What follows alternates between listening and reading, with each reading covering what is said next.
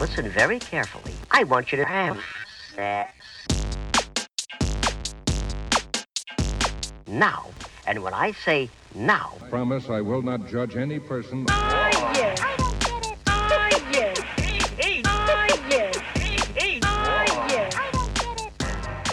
Cześć, z tej strony Nat, czyli Twoja zaufana sekspertka, a to jest Nat i Seks. Podcast o tym, że życie jest zbyt krótkie na kiepski seks. Odcinek 51. Erotyczny prezent. Hej, hej, miło mi znów gościć w Twoich dziurkach usznych i mam nadzieję, że cieszysz się na to spotkanie tak samo jak ja. Niedawno, a właściwie kilka odcinków temu, zainicjowałam nową tradycję, mianowicie wykorzystywania wstępu odcinków podcastu po to, aby odpowiedzieć na Wasze pytania, rozwiązać problemy w sferze seksualno-relacyjnej, które Was trapią. I tak będzie tym razem. Zatem, jeżeli czekasz na wątek podarunków erotycznych, czemu się nie dziwię, mamy w końcu początek grudnia, kiedy ten odcinek się ukazuje, to poproszę Cię jeszcze o chwilę cierpliwości, bo myślę, że temat związany z listem, z mailem, który pojawił się w mojej skrzynce, jest dość interesujący. Słuchacz pisze. Mój problem polega na tym, że poznałem super kobietę, z którą rozpocząłem współżycie. Dodam, że w tym samym czasie współżyję jeszcze z dwiema partnerkami i tylko z tą jedną mam problem, a mianowicie podczas penetracji nic nie czuję. Nie mam żadnych odczuć, przez co dopochwowo nie dochodzę do orgazmu wytrysku. Z pozostałymi partnerkami dochodzę bez problemu. Źle mi z tym bardzo i nie wiem, co można zrobić w takiej sytuacji. Domyślam się, że ta wiadomość była zaproszeniem dla mnie, aby poruszyć te kwestie, więc śpieszę z pomocą. Zacznę od tego, że gdybyśmy znaleźli się w sytuacji gabinetowej, zapytałabym tego pytającego o styl masturbacji i związaną z nim historię. Dlaczego? Dlatego, że często zdarza się, że osoby z penisami, które uskarżają się na brak czucia, w przypadku subtelniejszych pieszczot, mają historię dość agresywnej masturbacji, na przykład mocnego ściskania członka, ocierania się nim o szorstkie lub twarde powierzchnie, przez co subtelniejsza stymulacja może nie przynosić satysfakcji. Choć tu pytający zgłasza, że problem występuje z jedną partnerką, to pytanie nadal byłoby zasadne, dlatego że mogłoby okazać się, że podczas stosunków seksualnych z pozostałymi osobami nacisk na penisa po prostu jest w jakiś sposób mocniejszy. Natomiast nie będę ukrywać, że brak czucia nie zawsze jest spowodowany nawykiem. Czasem po prostu jest to kwestia indywidualnej anatomii, która, tutaj muszę to podkreślić, dotyka obydwu stron. W końcu, gdy jedna z osób podczas stosunku, podczas penetracji pochwy niewiele czuje, druga strona zapewne przeżywa coś podobnego. Problem w tym, że wielu osobom trudno jest w sposób dojrzały podjąć ten temat, zwłaszcza gdy dotyczy kwestii anatomicznych, kwestii wyglądu, designu naszych genitaliów, których nie da się zmienić. Natomiast warto podjąć pracę, aby wspólnie poszukać rozwiązań, aby współżycie było dla każdej z osób satysfakcjonujące. Powiem wprost. Zbyt wiele par w takiej sytuacji dopuszcza się wzajemnych oskarżeń, że jedna strona jest za mała, a druga za luźna. Nie jest to jednak sytuacja bez wyjścia, choć bez wątpienia gra na naszej niepewności związanej z funkcjami seksualnymi naszego ciała. Natomiast musimy uzbroić się w gotowość na to, aby zmodyfikować akt penetracji. Przede wszystkim możemy popróbować innych pozycji seksualnych, które pozwalają pochwie ciaśniej objąć członek. Może być to na przykład pozycja na łyżeczki ze złączonymi nogami, może to być pozycja od tyłu, gdy osoba penetrowana leży na brzuchu, lub takimi pozycjami, gdy osoba penetrowana leży na plecach ze skrzyżowanymi i uniesionymi nogami, przykład na skraju łóżka, kanapy lub stołu, a osoba penetrująca ustawia się twarzą do niej. Wszelkie pozycje, które ja nazywam w cudzysłowie rozporowymi, czyli na pieska i inne, w których nogi osoby penetrowanej są rozłożone szeroko, mogą powodować efekt zmniejszonego nacisku ścian pochwy na penisa. Warto więc poeksperymentować z takimi pozycjami, w których będzie może troszkę łatwiej objąć członek pochwą. Z pomocą, i tutaj też ważna jest normatywność danej pary, mogą też przyjść narzędzia. Może to być nakładka poszerzająca na członek lub wibrator z kategorii wearable. To są tego rodzaju gadżety, które umieszcza się w pochwie na czas zabawy. W szczególności zabawka, wibrator, potocznie zwany wibratorem dla par, wypełni trochę przestrzeni pochwy, a na dodatek to będzie dodatkowa atrakcja, może stymulować obydwie osoby podczas penetracji. Tutaj autor pisze też, że nie doświadcza orgazmu i wytrysku podczas penetracji pochwy partnerki, co sugeruje mi, że jest być może w stanie szczytować z nią na inne sposoby. Być może oddają się stymulacji manualnej, oralnej, analnej. I musimy pamiętać, że to też są ważne formy ekspresji seksualnej, które mogą dostarczać masy przyjemności obydwu stronom, więc mogą być fantastycznym rozszerzeniem seksualnego repertuaru, bo seks nie zawsze musi opierać się na tej samej choreografii. Oczywiście tutaj pozostaje w szacunku i uznaniu dlatego, że niektóre osoby mogą chcieć uprawiać seks w konkretny sposób, a więc właśnie penetrując pochwę członkiem. Natomiast tutaj podsuwam właśnie te rozwiązania, które pojawiły się nieco wcześniej. Zakładam też, że proces kreowania satysfakcjonującego życia seksualnego przez pytającego i jego partnerkę może wymagać znacznie więcej niż jestem w stanie zaoferować w tak krótkiej formie i na podstawie jedynie kilku zdań przesłanych mailem. Bo nie mam tutaj przed sobą partnerki, nie mam możliwości zadania pytania o historię czy o jakieś sytuacje wyjątkowe, gdzie satysfakcjonująca penetracja jest możliwa, a to oczywiście pomogłoby mi też sprecyzować moją odpowiedź. Natomiast dodam, że najczęściej po prostu potrzeba czasu, ale też przestrzeni dla negocjacji, aby móc stworzyć takie warianty seksu, który będzie nagradzający dla każdej ze stron. Natomiast chciałabym podkreślić, mm, w szczególności tutaj pytającego, że nie jest to sytuacja bez wyjścia. Trzeba tylko zadać sobie pytanie, na co jesteśmy gotowi, gotowe, aby to życie seksualne było dla nas bardziej spełniające. Jeżeli i Ty chcesz przesłać pytanie lub propozycję tematu, możesz zrobić to wysyłając wiadomość na sexcast.proseksualna.pl lub skorzystać z opcji mikrodonacji w serwisie Coffee lub Buy Coffee, który pozwoli Ci wesprzeć moją działalność podcastową, a także da Ci przestrzeń na wysłanie wiadomości prywatnej. Linki do obydwu tych serwisów, w których możesz wspierać mój podcast, znajdziesz w opisie odcinka. A teraz przejdźmy już do dzisiejszego tematu. Ponieważ, jak już wspomniałam, zbliża się gwiazdka, a co za tym idzie planowanie i przygotowywanie prezentów dla bliskich osób, postanowiłam poruszyć temat erotycznych prezentów.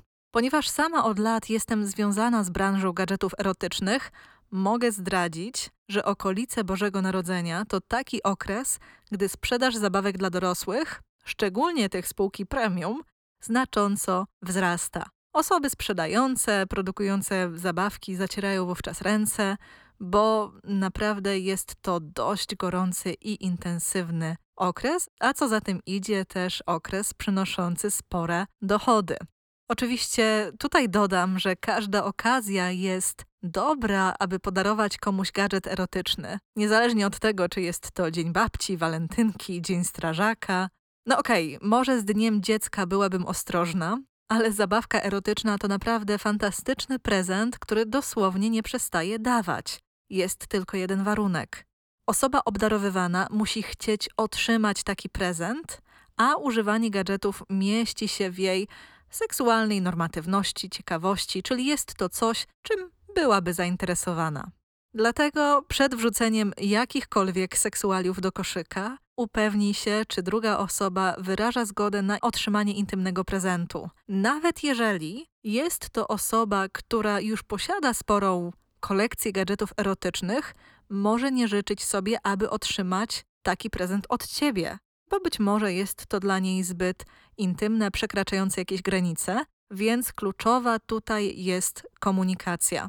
Nie ukrywam, że sama bardzo często otrzymuję erotyczne podarunki, przesyłki PR-owe, ale to też zawsze poprzedzone jest zgodą z mojej strony, dlatego że czasami taka erotyczna niespodzianka, która nie wpisuje się w nasze życie erotyczne, może przysporzyć nieco kłopotów, na przykład z tym, co zrobić z takim niechcianym, niepożądanym prezentem, albo co zrobić w sytuacji, gdy zabawka powtórzy się w naszej kolekcji.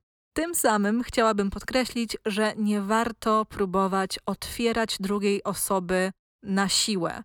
Nie warto jej otwierać na perspektywę czy stosowania gadżetów erotycznych jako takich, czy na przykład na konkretne rodzaje zabawek erotycznych, więc pamiętajmy, że zgoda przede wszystkim, nawet w sytuacjach, w których druga osoba już ma jakieś zabawki i lubi je używać. Jak zatem wybrać erotyczny prezent, jeżeli już mamy taką zgodę? Oto kilka moich rad. Przede wszystkim wybierz prezent dla drugiej osoby, nie dla siebie. To trochę jak ten stereotyp, że kupuje się dziecku kolejkę elektryczną, tak naprawdę spełniając marzenia ojca, bo to on będzie tym, który ją rozłoży i będzie się nią bawić. Nie pozwól więc, aby własne preferencje dotyczące akcesoriów czy tego, czego ty chcesz doświadczać w seksie, wpłynęły na wybór gadżetu erotycznego. Zastanów się więc, co wiesz o seksualnych preferencjach osoby, którą chcesz obdarować, jakie rodzaje stymulacji ona lubi, czy wiesz, co ją intryguje, czego ma ochotę spróbować? A jeśli nie wiesz, tak samo jak w kwestii zgody, zapytaj. Jej radość z pewnością nie będzie mniejsza wtedy, gdy będzie uczestniczyła w jakiś sposób w procesie wybierania swojego prezentu. I tutaj dodam, że jest ok wybrać zabawkę dla nas, czyli taką zabawkę, której będziecie używać we dwójkę, natomiast wybór ten powinien też być skonsultowany z drugą osobą. Brak skupienia na sobie nie oznacza przy tym braku wyobraźni. Kiedy oglądasz akcesoria z myślą kupienia ich dla kogoś innego, zapytaj siebie, jakie uczucia wywołuje w tobie perspektywa zbliżenia danej zabawki do własnego ciała. Czy jest w niej coś takiego, co budzi Twoją wątpliwość? To może być design, to może być materiał, to może być cokolwiek innego. Tutaj odrobina skupienia na sobie naprawdę nie zaszkodzi. Natomiast Twoją intencją powinna być przede wszystkim chęć podarowania drugiej osobie przyjemności, jak w przypadku każdego innego prezentu. Erotyczny prezent powinien więc wiązać się z przesłaniem. Dostrzegam Cię jako istotę seksualną i chcę to afirmować. Nieraz spotkałam się z sytuacjami, w których prezent był podarowywany z mało wzmacniającą intencją. Na przykład był czy miał swoje źródło w chęci rozwiązania problemów seksualnych. Do czego zmierzam? Do tego, że żel ścieśniający pochwę, za mała bielizna erotyczna, wydłużająca nakładka na penisa czy serum na wzmocnienie erekcji to zazwyczaj kiepskie podarunki, poniekąd z tej samej kategorii co, mm, dajmy na to, żele pod prysznic, czyli takie prezenty, które nakazują nam zastanowić się, co jest z nami do cholery nie tak. Moja kolejna porada to wybrać jeden porządny gadżet zamiast tony badziewia. Wyobraź sobie, że masz plan kupić samochód, ale patrząc na jego cenę, i tutaj nie mówię o prezencie, patrząc na jego cenę stwierdzasz, że wydasz tę sumę na wrotki, hulajnogę, deskorolkę, rower i kajak. Jasne, zyskujesz kilka środków transportu, ale nie jest to auto, o które na początku ci chodziło. I Kupując gadżety erotyczne, łatwo wpaść w podobną pułapkę. I w realnym życiu oczywiście zdarza się to znacznie częściej niż kupowanie wrotek i kajaka zamiast samochodu, ale już pójdę z tą metaforą. Bo wiele osób, widząc cenę wibratora, nawet ze średniej półki, a zazwyczaj jest to 200, 300, 400 albo i więcej złotych, stwierdza, że może lepiej będzie kupić więcej gadżetów erotycznych za tę samą kwotę, wierząc, że więcej przedmiotów zagwarantuje większą różnorodność, a co za tym idzie więcej frajdy. Często kończy się to tym, że zabawki zgromadzone w ten sposób używane są raz, a potem leżą odłogiem. I jako posiadaczka ponadprzeciętnie dużej liczby akcesoriów erotycznych, mogę z ręką na sercu stwierdzić, że zasadę Pareta da się przełożyć również do seksualiów, czyli sięgania po 20% kolekcji przez 80% czasu. Zdecydowanie lepiej jest więc wybrać jedną super orgazmiczną i uniwersalną rzecz, niż kilka, które są po prostu ok i na dłuższą metę nie będą wzbudzać większego entuzjazmu. Idąc dalej, jeżeli mamy do czynienia z osobami, które już posiadają gadżety erotyczne, możemy kupić im lepszą wersję tego, co już posiadają i lubią. Wiele osób zaczyna swoją przygodę z seksualiami od tańszych i bardziej dostępnych modeli gadżetów erotycznych. Jeżeli wiesz, że coś współgra z ciałem drugiej osoby, poszukaj upgrade'u. Być może jej ulubiony wibrator jest zabawką na baterię. Znajdź coś w podobnym stylu, ale z ładowarką. Jeżeli druga osoba używa masturbatora no name, kieszonkowej cipki skądś, nie wiadomo skąd, możesz rozejrzeć się za markową wersją. Jeżeli bliska osoba od dłuższego czasu używa popularnego pingwinka, może to czas, aby spróbowała oryginału. Jeżeli do krępowania ciała używa tego, co zazwyczaj ma pod ręką, być może zestaw dedykowanych akcesoriów okaże się dla niej prawdziwym hitem. I mówiąc o dedykowanych akcesoriach czy oryginalnych wersjach, nie mogę nie wspomnieć o tym, aby kupować akcesoria tylko z pewnych źródeł i wykonanych z bezpiecznych dla ciała materiałów. O niebezpieczeństwach gadżetów erotycznych z AliExpress i innych chińskich serwisów opowiadałam w osobnym odcinku podcastu, w którym podpowiadałam też, jak się nie dać naciąć, więc odsyłam cię do niego.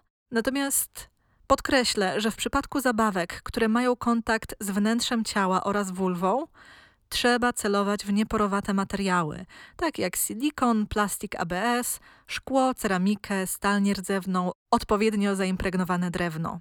Jeżeli chodzi o masturbatory i strokery dla penisa, może być nieco trudniej, bo najczęściej ich powłoki zrobione są z miękkich, porowatych materiałów i wówczas jedyne co możemy zrobić to zdecydować się na akcesoria wiodących producentów, co zminimalizuje ryzyko trafienia na gadżet, do produkcji którego użyto potencjalnie toksycznych substancji. Szczególną ostrożność zachowuj też wobec kryształów. W opisie odcinka podlinkuję artykuł, w którym dokładniej opisuję niebezpieczeństwa związane ze stosowaniem DILT czy kulek waginalnych z kwarcu różowego i innych naturalnych kamieni. Pamiętaj też, że zawsze możesz zaprosić drugą osobę na wspólne erotyczne zakupy, aby sama mogła sobie coś wybrać. Choć tu nie będzie raczej niespodzianki, ryzyko spudłowania przy doborze gadżetu jest znacznie mniejsze. Ciekawą opcją może być poproszenie drugiej osoby o zrobienie takiej listy życzeń z zabawkami, które najbardziej chciałaby dostać i wybrania coś z tej listy bo to też oczywiście zmniejsza, zmniejsza ryzyko wpadki. Tak samo jak można oczywiście podarować bon podarunkowy, voucher na konkretną kwotę, którą ta druga osoba będzie mogła przeznaczyć na zakup pożądanego gadżetu erotycznego, który ją najbardziej ciekawi.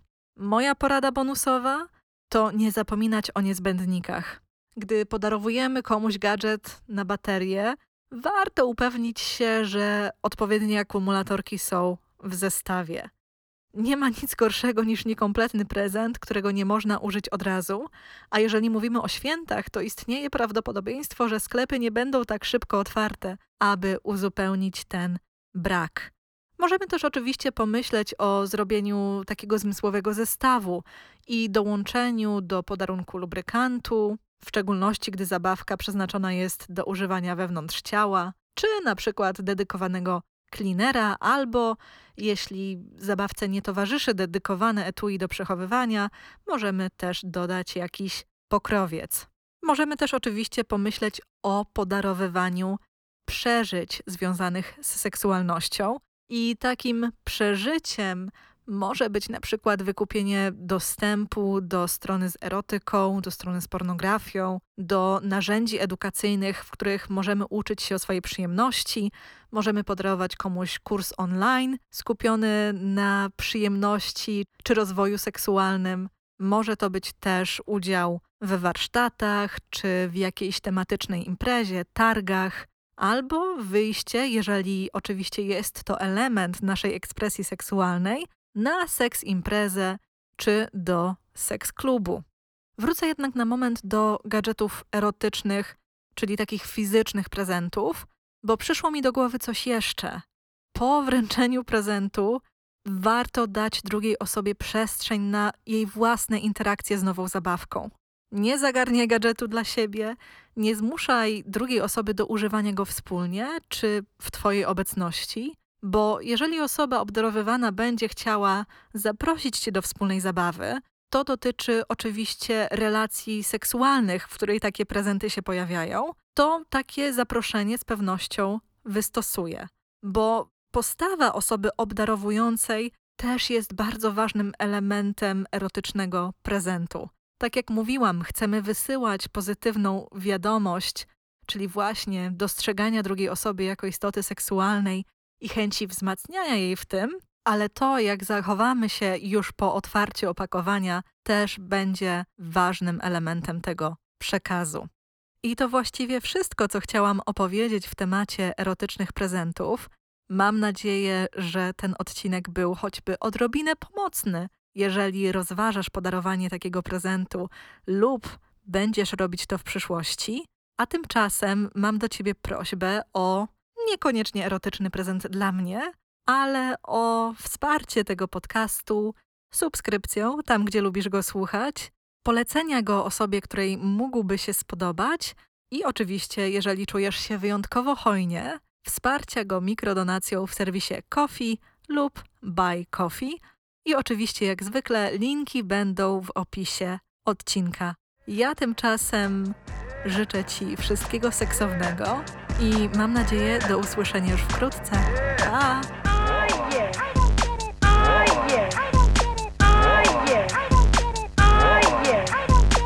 So it's very important and very fun also to. Now,